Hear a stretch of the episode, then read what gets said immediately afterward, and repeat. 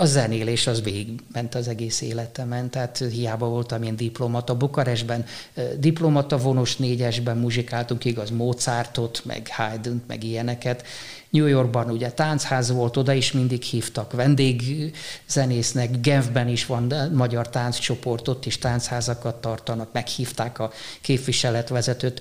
Tajvanon is volt tánccsoport, amelyik magyar ö, táncokat is táncolt, ott Hédi tanította őket, úgyhogy ez, ez, ez megmaradt, és életünk végéig is meg fog maradni. Ez, a, amit mi művelünk, ez nem egy múzeumi tárgy, hanem használható. Tajvan volt a, a legnagyobb élményünk, mert ott tudtuk a legtöbbet tenni a hazánkért gyakorlatilag ebben a láthatóságban. Mi egy nagyon összetartó család vagyunk. Ide költöztünk, és szeretjük Fehérvár. Élhető városnak tartom. De itt vannak a zenész ismerősök, a Kneifel család például, Tilinko hát együttes, a Majoros Robi, a táncos, tehát gyakorlatilag olyan ismerős közegbe jöttünk, és nem csak élhető, hanem sokkal minden egyszerűbb Fehérváros.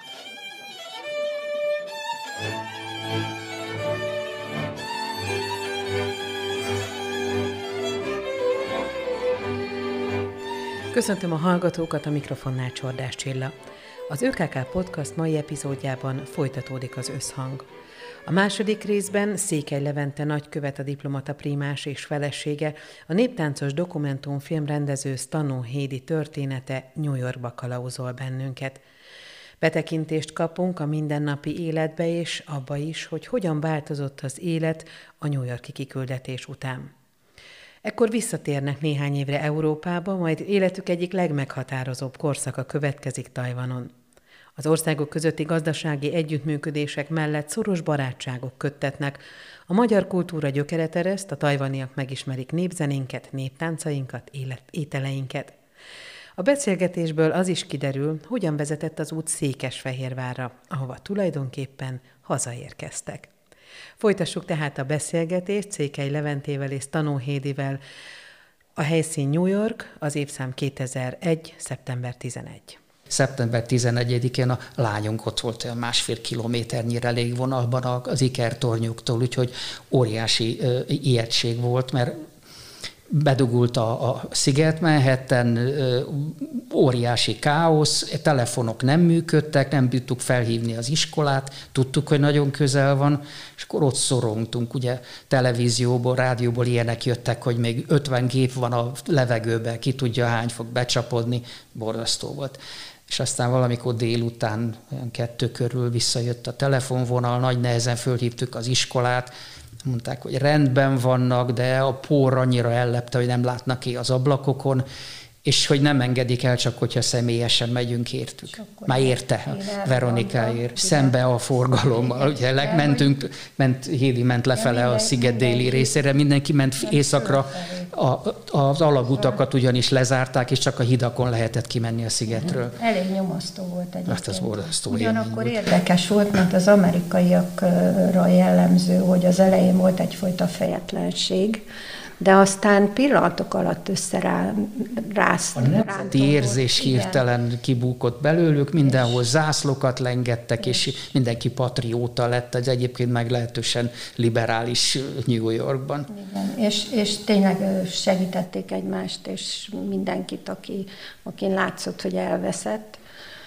Mi azt nem mondtad, mondtuk, hogy egy békereggelin vettünk részt éppen az ENSZ-ben, akkor, tehát az a sors iróniája, hogy ugye a békéről szólt az egész összejövetel, több, több nem tudom én hány fős volt, száz biztos, nem, nem, ez minden, minden, év, minden év szeptemberében a közgyűlés kezdése előtt van egy ilyen békereggeli, ahova az összes nagykövetet hívják meg, meg az ENSZ-nek a magasrangú képviselőit, politikusokat is, és a nagykövet engem küldött, ugye akkor már első osztály tanácsos voltam, hogy menjek-e helyette, mert neki melege van ezekből, mert ott mindenki a békéről beszél, de hát pontosan tudjuk, hogy mi a helyzet.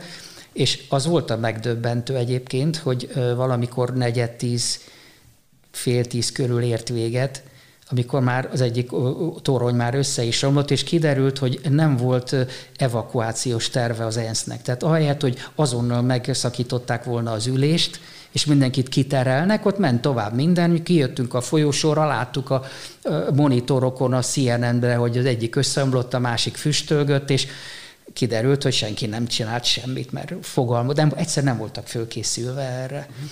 Úgyhogy, és az is kiderült utólag pár héttel később, hogy amikor tervezték a, a merényletet, akkor az első célpont pont az ENSZ épület lett volna, mert ugye nagyon széles, meglehetősen magas, könnyebb belevezetni egy, egy repülőt, csak aztán úgy döntöttek, hogy a szimbolizmusa a World Trade Centernek az nagyobb, és így abban mentek bele. Egyébként most nem lennénk itt. Egyébként az egyik kollégám, aki pont ott volt, a főosztályvezetőnk, az egy, egy nappal előtte ment el megnézni, fel, felment a tornyok tetejére, és utólag mondta, ott ebéden volt nálunk, mondta, hogy még gondolkozott, hogy nem tizedikén, hanem tizenegyedikén megy, ő is teljesen halára volt rémülve, hogy úristen, ha rosszul dönt, mi történik. És ott, ott is öt év volt egyébként, vagy ott négy évet? Ott, nem, ott, nem. Is, ott is négy év lett volna, és ott is kaptam még egy év hosszabbítást, meg itt meg voltak elégedve a munkámmal, és hát előtte aztán végül is csináltunk egy igazi nagy kirándulást, 40 nap alatt körbeautóztuk Amerikát, megnéztük az összes nemzeti parkot, meg a nagyobb városokat, az nagy élmény volt. Igen, ezt tudni kell, hogy annyi, nem ennyi szabadsága van egy diplomatának egy hónapban, hanem hogy összegyűjtöttük. Hogy az a rengeteg szabadsága Leventének, amit ugye így nappal át. Azt hiszem, akkor nem is jöttünk sokszor. haza abban az évben, hanem akkor nem, ott erre a gyerekekkel ott végig 10, majdnem 20 ezer kilométert. Nagy élmény volt. És a magyar közösséggel mennyire volt? Ó, hát nagyon jó a kapcsolatban voltunk természetesen a New Jersey magyarsággal. Ott már rég, több évvel ezelőttről nekem voltak még táncos koromból nagyon jó barátaim, magyar, magyar Pont a táncház volt, néptánc együttes. És igen, és a, a New Jersey ö, magyarsággal ilyen formán is tartottuk a kapcsolatot, és mi tulajdonképpen mindig vittük a másik énünket is mindenhova. Levente mindig hozta a hangszerét, én mindig vittem egy vagy két olyan viseletet, ami ben úgy gondoltam, hogy még ha úgy alakul, fogadáson is meg tudok jelenni.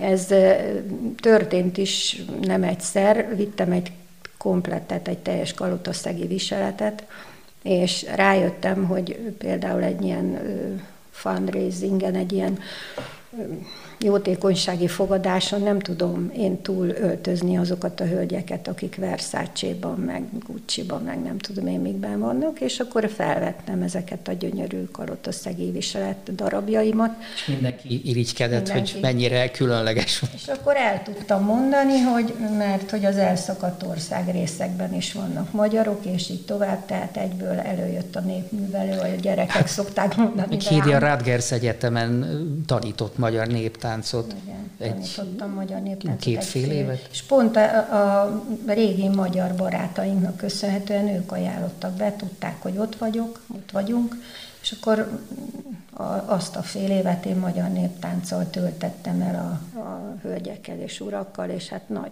nagyon szerették. Egyébként érdekes volt, mert ugye az én, ahogy, ahogy mi szocializálódtunk az iskolánkban, ugye az Állami Balettintézet annak idén az egy szigorú iskola volt. És én ezt a kicsit enyhében, de azért ezt a tanítási módszert átvittem oda az amerikai partokra is.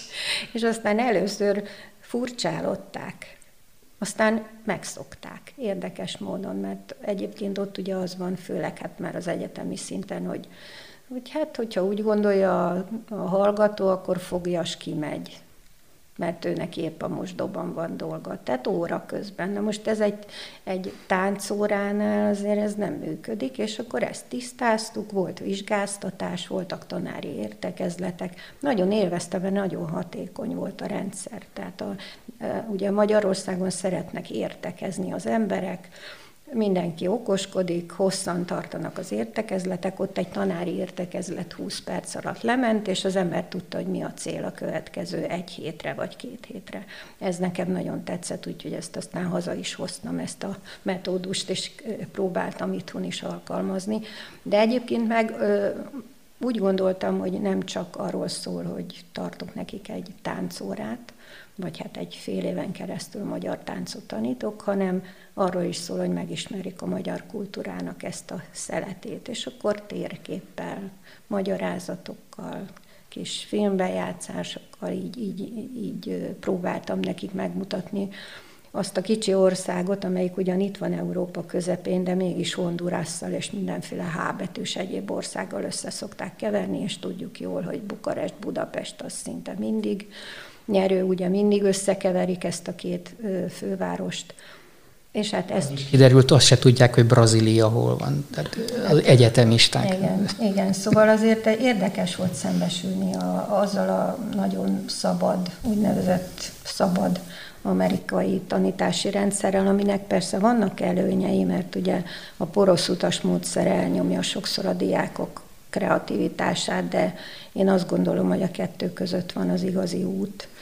Tehát ez, ez az sem jó, amit ott alkalmaznak, mert a fiamnak van egy, röviden elmondom, jó történet a fiammal kapcsolatban, aki ugye Amerikába kikölt, vagyis hát kimentünk a külszolgálatra. Éves volt 15 akkor. éves volt, és ő úgy nevelődött, rendkívüli jó szellemi adottságú egyébként is, de jó memóriájú, de úgy nevelődött, ahogy mi is a szüleinktől tanultuk, hogyha valamiről véleményünk van, az csak megalapozott lehet. Tehát ha én egy könyvről mondok véleményt, azt el kellett előtte olvasnom ahhoz, hogy véleményt formálhassak róla, vagy bármiről, emberről. Ha nem ismerem, akkor nem mondok róla véleményt. És a gyerekeink is így nevelődtek, és a fiam azzal szembesült az amerikai oktatás keretein belül, hogy ugyan föladták azt a bizonyos olvasmányt vagy könyvet, ő egyedül olvasta el, a többiek nem, az osztálytársak viszont volt véleményük. És ezen mélységesen felháborodott, hogy hogy lehet úgy véleményt mondani, hogy nem is olvasták el azt az adott anyagot. És hát a tanárral is összetűzésbe került ilyen formán, és akkor mi is megvilágosodtunk, hogy ez az amerikai oktatásnak a, mondjuk az egyik gyengéje. Egyébként a másik probléma az volt vele, hogy Amerikában nem úgy néz ki az érettségi, mint itthon. Áron fiunknak az érettségie úgy nézett ki, hogy az utolsó két évnek az írott eszéit összerakta egy dossziéba, és írt hozzá egy ilyen kis előszót, és az volt az érettségi, ezt úgy beadta. Most ennek az lett a következménye, hogy pontosan tudtuk, hogy ha hazajön velünk, akkor itthon újra bekerülni az iskolapadba, és az igen kemény magyar érettségére felkészülni, meg letenni. Ott viszont elkezdte az egyetemet ezzel az érettségével, és akkor hát óriási dilemma volt, ha hazahozzuk, akkor traumatizálja az a helyzet, hanem akkor ott kell hagyni. Úgyhogy másodéves egyetemet, mi tanulmányait kezdte, ott kellett hagynunk barátoknál, szerencsére, úgyhogy kicsit valamennyire felügyelet alatt volt, de hát nagyon nehéz döntés volt, hogy ott hagyni magára de ha hazahozzuk, akkor Éli nem akarta engedni. Én meg azzal érveltem, hogy az érzékeny lelkét ismerve hazahozzuk, hát össze fog zuhanni. Úgyhogy kint kellett hagynunk, aztán meg, nagyon helytált, hát ráadásul ilyen orvos, biológiai, mérnöki ösztöndíjat kapott, ugye, ami nagy dolog, mert nagyon drága az oktatás Amerikában, ösztöndíjat kapott, laptopot kapott, mindenfélét kapott hozzá, jó, jó tanuló volt és azt a végül is ott kellett hagyni, megállt a lábán végül is, mert magántanárkodott egyébként, ottani magyar magániskolai, magyar matek tanár, aki ismerősünk volt, szintén az beajánlotta többek között a Rockefeller családba. Úgyhogy állati büszke volt, mert kezdte 70 dolláros óradíjjal, aztán a végén már 100 dollárt kapott, Egyébként... Többet keresett, mint az. és így, így helytált, de egyébként ez nagyon... Aztán megnősült ott, úgyhogy egy darabig most már hazaköltözött, hál' Istennek, de nagyon érdekes volt, hogy a, meghívta a Rockefelleréket és a, a szülőket az esküvőre, egyedül ők nem adtak nász ajándékot. ez, és az, most ígérték, hogy majd lesz, és azóta sem igen, kaptam meg. Ezer előttünk, hogy a gazdagok így lesznek gazdagok, hogy ez ilyeneket Megspórolják. Igen, igen, igen. És akkor tulajdonképpen New Yorkból már a Genf és Taiwan, az már akkor gyermekek nélkül mentek tovább? Igen. Igen. Uh-huh. igen. Tehát ott, ott, már, ott már ketten mentek. Igen, hát Áron Amerikában maradt, Veronika pedig érettségi előtt volt? Érettségi, érettségi előtt. De ne, nem, nem akart kijönni, még egyszer kiszakadni, és elég nagy volt ahhoz, hogy ott lehetett hagyni egyedül.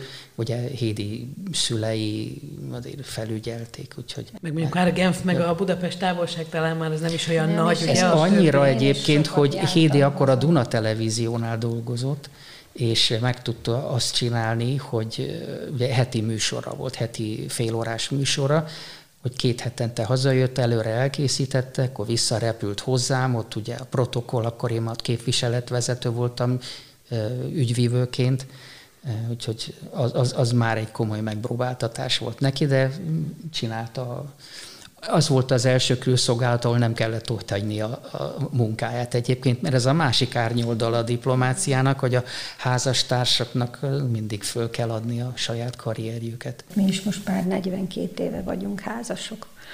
És igazából én azt gondolom erről is szól, hogy az ember, hogy, hogy mi a fontossági sorrend, hogy éppen akkor mi a fontos, a családban éppen ki a fontosabb vagy talán nem is a fontosság, hanem az adott körülményekhez való alkalmazkodás, mert mi például azért úgy egyenrangúak vagyunk a kapcsolatban, a társas kapcsolatban, de, de én felnézek Leventére a mai napig, mert tudom, hogy ilyen okos.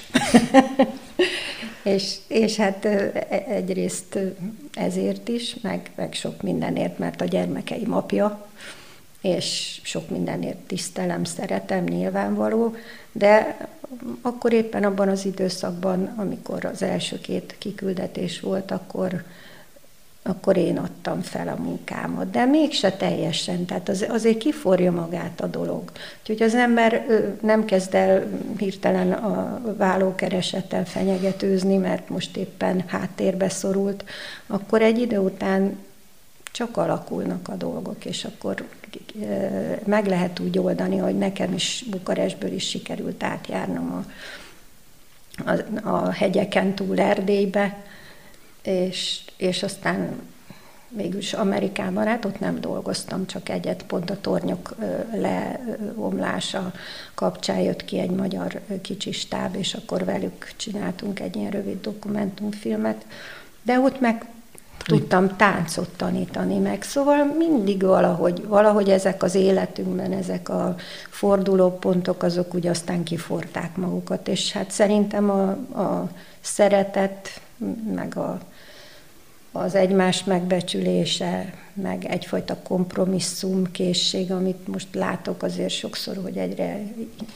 inkább hiányzik a világból, meg talán azért van az a sok vállás is. Hát ugye a mi hát- elődeink még inkább ö, olyanok voltak, hogy még egy olyan házasságban is benne maradtak gyakran, amelyik tényleg nem működött, de ö, ha az ember tudja, hogy megtalálta az élete társát, akkor apró dolgok miatt nem szabad föladni. Nagy tolerancia kell a, a házastárs részéről, de ugyanakkor, ha megvan ez az összhang, akkor nagyon sokat segít, mert nekem a karrieremben rengeteget számított, hogy van egy nem csak szép, hanem dekoratív feleségem, hanem olyat, mit tud, amit mások nem, és akkor, mikor szépen felvette ezeket a gyönyörű viseleteket, és megjelent valahol, akkor nem tudtak nem ránk nézni itt a fogadásokon valahogy mindenki oda jött beszélgetni velem, ami tehát az ember az információja aki jelentős részét ezeken a fogadásokon szedi össze. Summa summarum, tehát ha ott van az én ragyogó feleségem, akire mindenki fölfigyel, oda jönnek, szívesen beszélgetnek velem. Ha én kérdezek, akkor ha el vannak varázsol, még azt is elmondják, amit esetleg nem akartak mondani. Úgyhogy ez, a, ez az összjáték, ez, ez 25 év alatt megvolt, és nekem is nagyon sokat segített egyébként. Diplomata feleségnek nagyon sok feladata van, nem? Ha komolyan Te... veszik. A pályafutásunk alatt azért én láttam olyan feleségeket, és mondjuk akik introvertáltabbak, tehát azért én például hozzászoktam a szerepléshez nyilvánvaló. Nem jövök zavarba. Azért elég jó emberismeretet szerez az ember előadó művészként is, meg egyáltalán néprajzosként főleg mert hogy, hogy ez az egyik fontos, a kapcsolatteremtés a, a szakmában, filmesként is ugyanúgy. De egyébként volt olyan, hogy ugyan nem sűrűn, az tény, de volt olyan, hogy az én drága férjem szinte mindig úgy zajlott, most ez furcsán hangzik, meg talán elfogultan, de el, úgy kell elképzelni, hogy van Levente, aki köré a fogadáson, miután megérkeztünk, két pillanat alatt oda sereglik még néhány másik diplomata, de ezek a tényleg a, az amerikaitól kezdve a francián át az olasz a mindenféle, és elkezdenek vele beszélgetni, és már egy mondjuk ötös, hatos kör ö, alakul ki, és az én férjem viszi a szót, és akkor és akkor ugyanígy, ugye, én meg a feleségekkel nyilvánvaló, nagyon gyakran, de volt olyan, hogy, hogy én hozzám is odajött, mondjuk a, nem fért már be a körbe, odajött a, a valamelyik diplomata férfi kollégája, és akkor én, én is úgy tudtam egy-két ilyen információt, mert a női nem úgy látszik levette a, a nőiségem a lábáról, és akkor kifecsegett esetleg olyasmit, vagy csak eldicsekedett. Szóval ilyen formán is lehet használni a férj munkájának természetesen, meg azzal is lehet, hogy hogy az ember például tajvani kiküldetésünkön nem volt, ugyan nagyköveti rangban volt Levente, de mi egy nagyköveti házaspár voltunk, de hát nem volt szakácsunk és nagyon sok vacsorát rendeztünk. Ugye fontosnak tartottuk, hát nem csak a magyar embert lehet a hasán keresztül megfogni, hanem minden más nemzetnek a férfiait és nőit is. És ha az ember jókat csinál, és igyekszik ilyen nemzeti jelleget adni a, a vacsorának, akkor, akkor biztos, hogy jönnek és hát sokat főztem. Azt gondolom, hogy egy főzni nem tudó feleség az itt elvérzett volna, ahogy a zenészek szokták mondani, asztalnál meghalt volna. és és aztán... A nagykövet asszony a konyhában egész napot dolgozott, este megjöttek a vendégek, gyorsan átöltözött. Agyi segítségünk volt, hogy mindig volt két-három ott tanuló, ösztöndíjjal ott tanuló magyar diák, és akkor mivel ott azon első dolog volt, hogy összerántottuk a magyar közösséget, tehát csináltunk március 15-én, október 23-án külön csak az ottani magyar közösségnek találkozókat, oda is főztünk persze, akkor ettek, ittak, jól mulattak, egymásra találtak, ez nagy, nagy dolog volt, és akkor kiválogattunk egyet-kettőt a, a szorgalmasabbakat, akkor persze fizetség de akkor jöttek segíteni, felszolgálni, be kellett tanítani őket, szépen felöltözni, hogy tartsd a tálcát, honnan kínáld jobbról, balról, mi, hogy, kinek először, be kellett őket kicsit tanítani, de ennyi segítségünk volt. Viszont ennek óriási haszna volt, mert gyakorlatilag e, a, az, a krémje, tajvani gazdagok és politikusok krémjével barátkoztunk össze, tehát milliárdosok. És egyébként, amikor Tajvanról hazajöttünk, én akkor ott hagytam a külügyminisztériumot, egy külön története van, hogy miért, és akkor kiderült, hogy jövünk haza, és az egyik milliárdos, akit ott etettünk, sokszor itattunk, nagyon összebarátkoztunk, és felajánlotta, hogy mit csinálsz utána. Mondom, nem tudom, majd megyek zenélni. Azt mondja, nekem van egy cégem Magyarországon, nem akarsz az elnöke lenni? És akkor mondtam, hogy de Frank, hát én nem, nem vagyok üzletember, én diplomata vagyok, meg, meg zenész. Hogy nem, nem, nem baj, nem baj, majd segítesz nekem a, kialakítani a kapcsolati rendszeremet. Mondtam, de az üzleti, nem baj, akkor társelnök leszel, majd lesz valaki, aki az üzleti részét csinálja, úgyhogy puhára estem, mikor hazajöttem, és gyakorlatilag még így is a, külö, a diplomácia után is sikerült szolgálatokat tenni a hazámnak, mert sikerült meggyőznöm, hogy meg, megmentse a pápai húsgyárat amelyik felszámolás alatt volt, 820 valahány munkahely lógott a levegőben, Tehát csődbe ment, felszámolás, és akkor felszámolás alatt megvásárolta, és mai napig tulajdonolja meg. A másik Tajvanon óriási láthatóságunk volt, mint művészházaspár. Tehát azzal kezdtük, hogy az első nemzetünnepi fogadáson hegedültem, Hédi táncolt, üveges tánccal, meghívtuk a sajtót, másnap tele voltak az újságok velünk, fényképekkel, utána mindenki interjút kért tőlünk, akkor mindig elmondtam mindenki, és ilyenkor lehet országpromóciót csinálni, úgyhogy amikor eljöttem, akkor a, a, a magyar borexport a több mint 30-szorosára nőtt például abban az évben.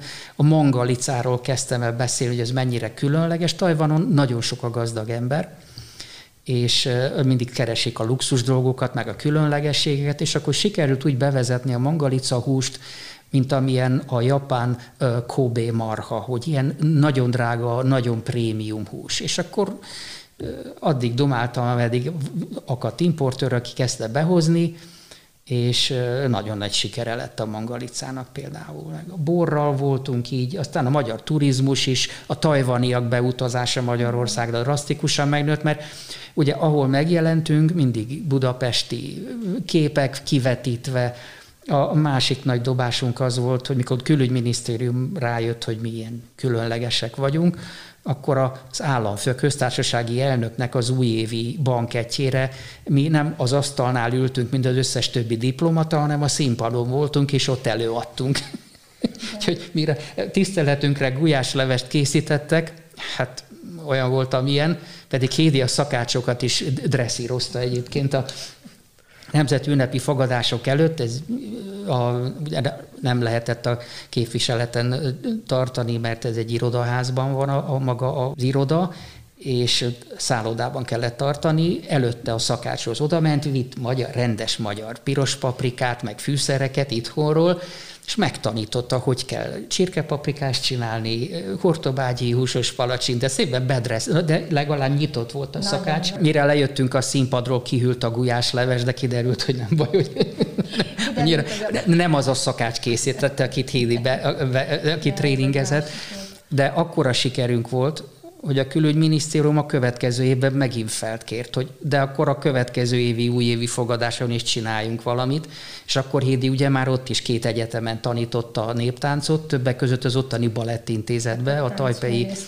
hát az olyan, mint a balettintézet, a balettosokat, végzős balettosokat, és, és akkor az volt a műsor, megint mi is fölléptünk, de az ő tanítványai léptek föl, és akkor Szatmári Verbunkot, meg Csárdás Frist tánc táncoltam. És aztán a harmadik év megint fölkértek minket, hogy gyakorlatilag ez egy ilyen kötelező műsorszám voltunk a köztársasági elnöknek a fogadásán, és mondták, hogy valami újat kell kitalálni. És aztán persze összebarátkoztunk ugye én zenész létemre a Tajpei Szimfonikus Zenekarnak a vezetőjével, Egyébként a vendégkarmesterük az magyar származású volt, úgyhogy meg külön mástől őket is etettük, itattuk otthon, és akkor azt találtam ki, hogy mi legyen, a Tajpei Szimfonikus Zenekar kíséretével előadtam Bartok román táncokat. A dolognak az a lényege, hogy nagyon nagy láthatóságunk volt, és igazándiból a diplomatának az a legnagyobb erénye, hogyha nagyon látható, mert akkor ugye az országot képviseljük, mi vagyunk Magyarország arca, magyar kultúra arca,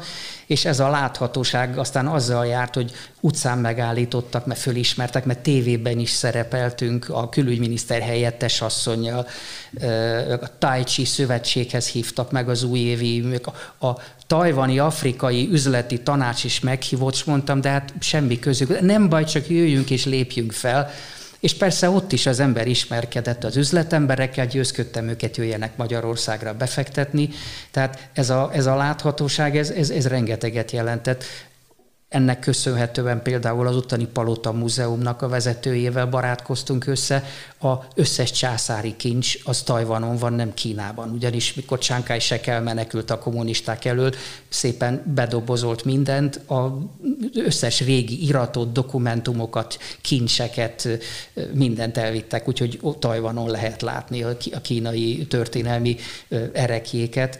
Meg a könyvtárban. És a könyvtárban, igen, ez a másik, ez a nagy büszkeségem, hogy adományoztam az ottani Nemzeti Könyvtárnak CD, magyar népzenei CD gyűjteményt, különféle angol nyelvű könyveket, és a főigazgató asszonyjal, akivel szintén összebarátkoztunk, az megszervezett nekünk egy kétórás előadást tartottam a Magyar Táncház mozgalomról, Magyarországról. Hédi egyébként az ottani nőszövetségben tartott előadásokat, tehát állandóan ezt az országpromóciót csináltuk, és hát meggyőződésem, hogy ma sokkal többet tudnak Magyarországról ennek köszönhetően, legalábbis az elit, akikkel kapcsolatba kerültünk. De például, amikor megszerveztük, hogy az egyik Juhász Zoltán zenész és zenekutató, akinek van egy nagyon érdekes munkája, most már évtizedes kutatás, és kapcsolódott ahhoz a konferenciához, amit éppen rendeztek ott pont a könyvtárban a tajvaniak, és valami száz valahány ember volt, de a mi előadásunkon is ilyen 120-130 ember körül Jaj, volt. Többen, többen szóval is voltak. próbáltuk azért azt is, vagy, vagy a Magyar Borról, Nagymarosi András Isten nyugosztalja. Borakadémia külön a magyar borokról csinált tanfolyamot. Azokat a szaktekintélyeket, akikről tudtuk, hogy ott megállnak a helyüket, azokat is igyekeztünk meghivatni tehát nem csak mi szerepeltünk állandóan nyilván, de volt már egy olyan kitaposott ösvény, amin aztán el tudta a Levente indítani ezeket, hogy meghívták ezeket az embereket, és ott ők is ugyanúgy a magyar láthatóságot És növelték. A, a, a záró része az, ugye engem váratlanul hazarendeltek, mert azért azt Tudni kell, hogy Tajvanon nem nagy követségünk van, hanem kereskedelmi irodának hívják, mert az Európában csak a Vatikánnak vannak hivatalos diplomáciai kapcsolatai Tajvannal. Az egy Kína elv miatt Kína részének kell hivatalosan tekinteni, ezért az amerikai képviselet is több mint 200 valahány alkalmazottal úgy hívják, hogy American Institute, tehát amerikai intézet, tehát ilyen nagykövetségként működik, annak néz ki, mindent úgy csinál, de mégse annak hívják. Na, summa summarum, amikor váratlanul hazarendeltek, mert én túl sokat nyüzsögtem, az volt a, bű, a bűnöm volt. Túl, túl jól végeztem a dolgomat, és új főosztályvezető került az Ázsia főosztályra, harmadszor ment be a, az, a kínai nagykövet tiltakozni, már megint aláírtam egy együttműködési megállapodást, és nem kellene, mert az egy Kína ev, akkor váratlanul hazarendeltek, és úgy búcsúztattak el minket, hogy egy olyan, megkaptam az ott diplomatáknak adható legmagasabb állami kitüntetést, és ennek fejében a külügyminiszter David Lin rendezett egy nagy ebédet a tiszteletünkre, és a protokoll szólt a titkárnőnek, hogy vigyem a hegedűmet. Érdekes volt, és hát megvolt a, dí- a díjátadás utána, ott volt a külügyminiszter felesége is, aki egyébként egy visszahúzódó hölgy volt, csak Hédivel a nőszövetségben összebarátkoztak, énekeltek nekünk a barátságról, majd kiderült, hogy hazahívták Tokióból az egyik nagykövetüket, aki tud zongorázni, és mondták, hogy van zongorista, vegyem elő a hegedűt, és akkor buli lett. Tehát gyak, táncházat csináltunk a külügyminisztériumnak a, a, a dísztermében, Hédi tanította őket táncolni, én ugrósokat muzsikáltam, a, a, a tokiai nagykövetük ott ezt, ezt, ezt, hát mondtam neki, az azt hallotta, hogy mit tudom én nagyjából, hogy kell kísérni, harmonizálta.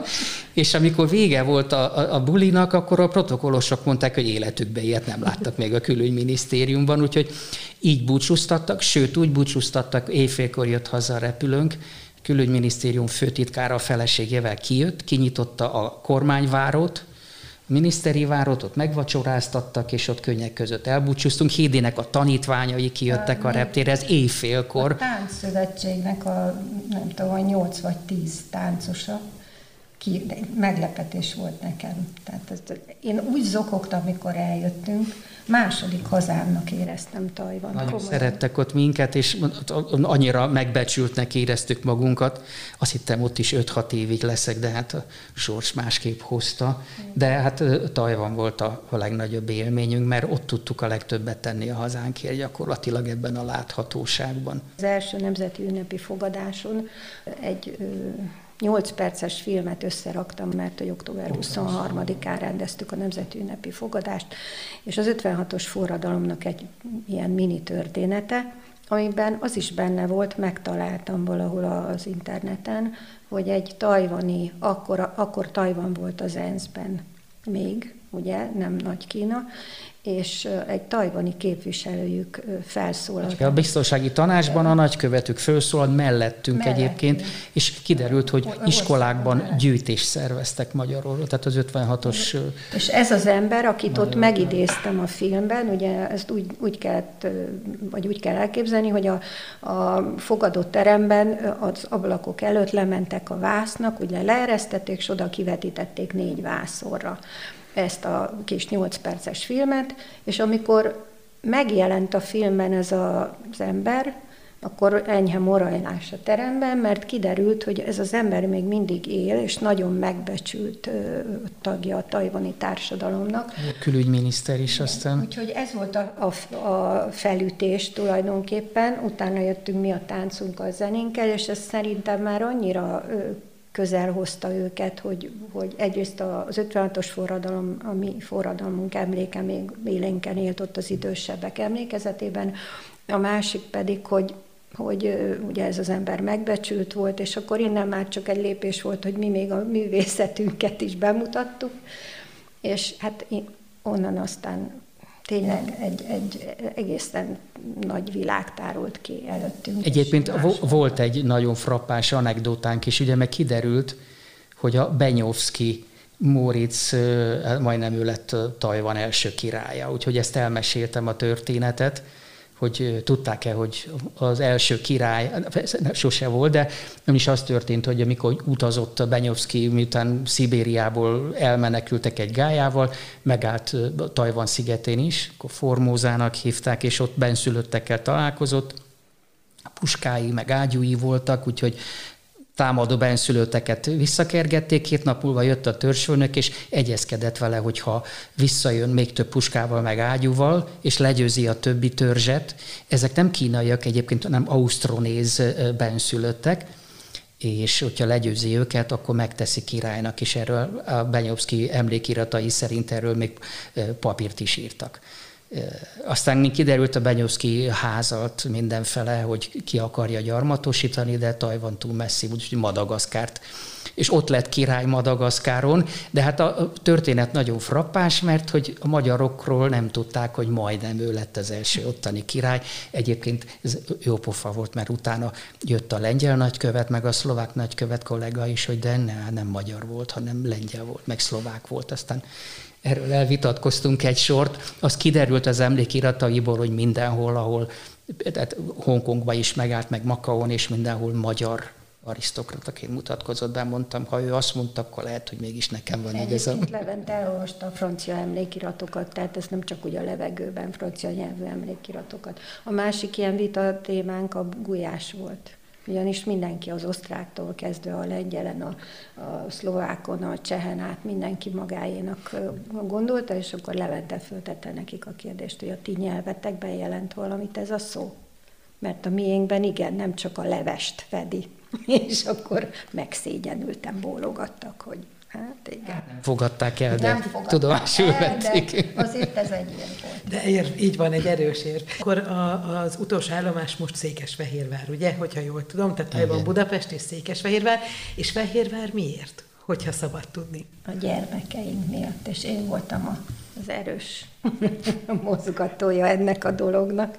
Méghozzá azért, mert közben születtek unokák, és a lányunk férhez ment itt Fehérváron, eleve ide költözött, mert az ő férje, dr. Vajda Mátyás, ő itt rezidens, most már majdnem végzős a Fehérvári Kórházban, ide köti a szerződése, és mint ahogy annak idején én átjártam idézőjelben udvarolni Erdélybe Leventének, Veronika lányunk is egy időben ide járt udvarolni Fehérvárra, aztán ide is telepedett, és akkor úgy gondoltuk, hogy miután én is frissen nyugdíjba mentem, hogy sokkal egyszerűbb nekünk a gyerekeink mellett lenni. Mi egy nagyon összetartó család vagyunk.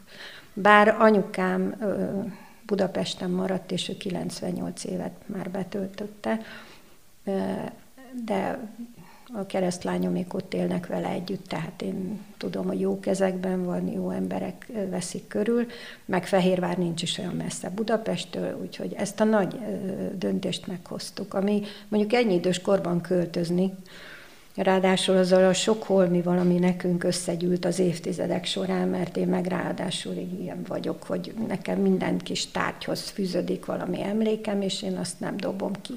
Inkább elcsomagolom, de legyen velem. Úgyhogy ide költöztünk, és szeretjük Fehérvárt. Én legalábbis szeretem, mert élhető városnak tartom. Tehát kicsit már bár a szülővárosom, de elegem lett Budapestből, az az igazság túl, túl nagy a város, túl idegen már, tehát olyan elidegenedett, jobban mondva. Hát ott egy társasházban laktunk, egy ilyen régi polgári jellegű házban, és, és bizony nem sikerült igazán a, a lakókkal, egy-két lakóval ö, olyan jó viszonyba kerülni, ahogy, ahogy mi szeretünk élni egyébként magunk körül. Jó emberekkel, De... barátokkal.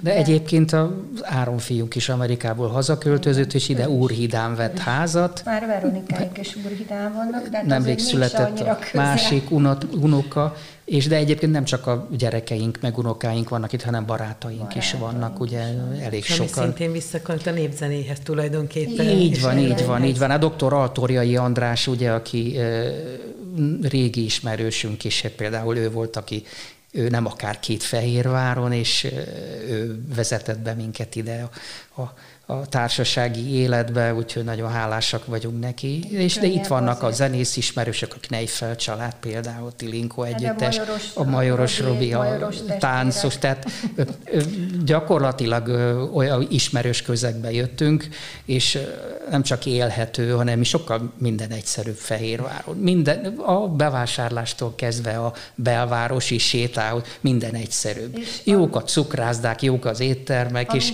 ebben a korban már nem kell akkor a városi nyűsgésnek. Nem. És amit megfigyeltem egyébként így a mindennapokban, hogy az emberek valahogy kedvesebbek, tehát barátságosabbak. Ha az ember mond egy-két, én ilyen barátkozós vagyok egyébként, mert érdekelnek az emberek. Tehát engem tényleg érdekelnek, azért filmesként is mindig érdekeltek az emberek, mert szerintem sokkal több érdekes ember van, mint amennyit gondolunk. Minden embernek a története egy, egy érdekes történet, de hát ezt nyilván ön tudja, Csilla. És, és a, a, egy, egy-egy ilyen indító mondattal a, a gyógyszertárban, az akármilyen üzletben már egy emberi szót kap vissza, vagy egy emberi mondatot az indító és én nekem ez általános tapasztalatom. Tegnap is volt egy ilyen, hogy egy pici beszélgetés kikerekedik a dologból, és ettől ez, ez olyan jó szerintem. És egyébként a zene az a mai napig, meg a tánc az megmaradt, van úgy, hogy csak előveszi a hegedűt Levente? Persze, persze, hát de van még most is több zenekar, akikkel szoktam muzsikálni, többek között a borfolkkal, a hagyományok házába, a szombati táncházakra elég gyakran minket kérnek föl, meg most a fonóban lesz a az erdélyi régi ismerősömmel, Gázsával, ott a fonóban fogunk muzsikálni, meg a táncház napi alkalmával, tehát vannak felkérések meg folyamatosan. Igaz? Ja, igen, ez a másik, ez érdekes, hogy Sebő Feri kért fel rá, hogy Rózsavölgyi Márkról készül egy könyv, annak a híres 19. századi primás generációnak az utolsó tagja, ő nevéhez fűződik a csárdásnak a kitalálása állítólag. Ugye a Lavotta, a Csermák, Bihari és, és Rózsavölgyi, ők voltak a híres primások, és a könyvhöz akartak egy hangzó CD mellékletet, Sebőferi előbányázta a kottákat Széchenyi könyvtárból, és akkor engem kért meg, hogy dekódoljam gyakorlatilag, megszervezzem meg, úgyhogy a legjobb zenészekkel, Árendás Péterrel, aki a, a, a Zeneakadémián tanít Brácsát, meg a ide kötődő cimbalmossal, Szabodanival, meg Bőgössel, gyakorlatilag dekódoltuk, ugye kicsit át kellett dolgozni, de megcsináltuk ezt a CD mellékletet, és nagyon érdekes zene.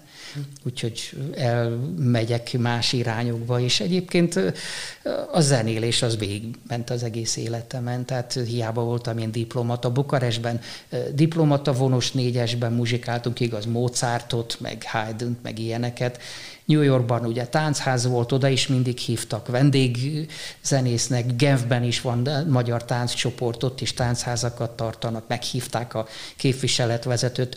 Tajvanon is volt tánccsoport, amelyik magyar ö, táncokat is táncolt, ott Hédi tanította őket, úgyhogy ez, ez, ez megmaradt, és életünk végéig is meg fog maradni. Ez a mi különlegességünk. Hát a tánc azért az más. Szóval az ember egy idő után nem bírja olyan jól már szuflával, és én nekem nagyon hiányzik egyébként. Most gondolkoztam rajta, már Majoros Robival egyszer beszéltünk, hogy itt is van szenior csoport, hogy lehet, hogy benevezek majd, de még kicsit jobban megmelegszem itt, meg, meg telepszünk itt Fehérváron, és akkor elkezdem én is ezt az irányt követni, bár volt egy kis szív problémám, úgyhogy ez, ez azért némileg visszafog, de Hát a, a lányunk például a Puszták Népe Front című zenei formációban már benne van, tehát ő, ő azért igen, ő már zenél, ő több helyen is, hegedülő is meg énekel, nagyon jó hangja van. De a fiunk is fiunk nagyon is. jó táncos, meg brácsázik. Nagyon jó táncos egyébként. Sajnálom, hogy nem lett táncos, de mégse sajnálom, mert mert az egyéb szellemi kapacitásait. Informatik, informatikusként azért jobban keres. Nehéz megélni a zenélés táncolásban. Mondta, de olyan nálunk szokott lenni, hogy családi muzsikálás. Tehát, hogy a három nők összeállnak, és akkor Áron fiunk kontrázik, Veronika meg Levente hegedülnek. Én sajnos nem bőgözöm, meg kéne szereznék bőgőt, és meg kéne tanulni. Déd nagymamák születésnapjain De mindig nótázás meg, van, meg zene. Nálunk karácsonykor is van muzsikálás, szilveszterkor is van muzsikálás, és akkor természetesen mi táncolunk. A vejem is tud táncolni, Matyi, ő is néptáncolt valamikor, és hát gyakorlatilag szinte mindenki. Most az új menyünk is, ő is már egy kicsit kénytelen tanulni, kénytelen tanulni táncolni. Számunkra ez a legértelmesebb és legértékesebb szórakozási forma egészen tizenéves korunk óta gyakorlatilag. És ezt mindenhol valljuk és terjesztjük az igét, hogy ez a sajátunk, ennek hagyománya van, ennek értéke van, nem feltétlenül kell mindenféle idegen divatokat majmolni, mert van nekünk sajátunk, ami sok szempontból értékesebb. Azért jó kiinduló pont a saját kultúrája, a magyar népzene, a magyar néptánc, mert az egy olyan érték, koncentrált érték, kincs érték, együttes, amiből ki lehet aztán indulni, és tudni, hogy az érték maga, az honnan indul. Tehát mi az, ami értékes. Jobban meg tudja az ember ítélni aztán egy másik műfajban is, hogy az valóban értékes, beépíthető a lélekbe, meg a szellembe, mert végül is ez a lényeg. Ugye mi abban hiszünk, hogy, hogy ez, ez a, amit mi művelünk, ez nem egy múzeumi tárgy, hanem használható és használják az emberek. Hát láttunk a világban sokakat, olyan kultúrákat, ahol a saját kultúrájuk sokkal szegényesebb, mint a miénk. Ez a hagyományos kultúra, és mégis jobban megbecsülik. De 50 éves a magyar, magyarországi táncház mozgalom, és rengeteg, rengeteg, több tízezer gyakorlója, követője, sok gyerek, sok fiatal van. De még mindig úgy érzem, hogy van mit tenni az önök családjában is, és a gyerekek, sőt az unokák most már akkor egy nagyon szép örökséget kapnak. Ez marad utánunk, nem csak fizikailag maradnak ők a genetikájukban utánunk, hanem marad egy ilyen szellemi batyú, amit mi hagyományozunk rájuk. Meg a külszolgálatok alatt is ez ö, óvta meg őket gyakorlatilag a gyökértelenségtől, a gyökérvesztéstől, hogy egyrészt egy erős magyar identitást neveltünk belévük, csak az ő magában nem elég, hanem azt az értéket is mellé kell tenni, amitől ő elhiszi, hogy ő külön másoknál, mert olyat tud táncolni, meg énekelni, meg zenélni, amit azok nem. És akkor... Jó, jó magyarnak lenni. Én sose szerettem volna más lenni jó magyarnak lenni. És ennek az ismeretében, hogy annyi helyen jártunk, és annyiféle más nációt láttunk, mindig megerősödött az ember abban, hogy a legjobb magyarnak lenni. Magyarnak lenni büszkeség, olyan értékeink vannak, ami másnak nincs. Csak ezeket föl kell tudni mutatni, és meg kell ismertetni mondjuk a lehetőleg az egész országgal. És akkor a közös mesterünket, Kalló Zoli bácsit idézve, hogy addig vagyunk magyarok, amíg magyarul, hát nyilván beszélünk, táncolunk és énekelünk. És ő is, ő mondta mindig azt, hogy de ha valaki nem ismeri, akkor nem fogja szeretni. Tehát meg kell ismertetni. Jó kiinduló pont a neveléshez. Köszönöm szépen, hogy elfogadták a meghívást, és beszélgettünk. Nagyon értékes és tartalmas gondolatokat hallottunk.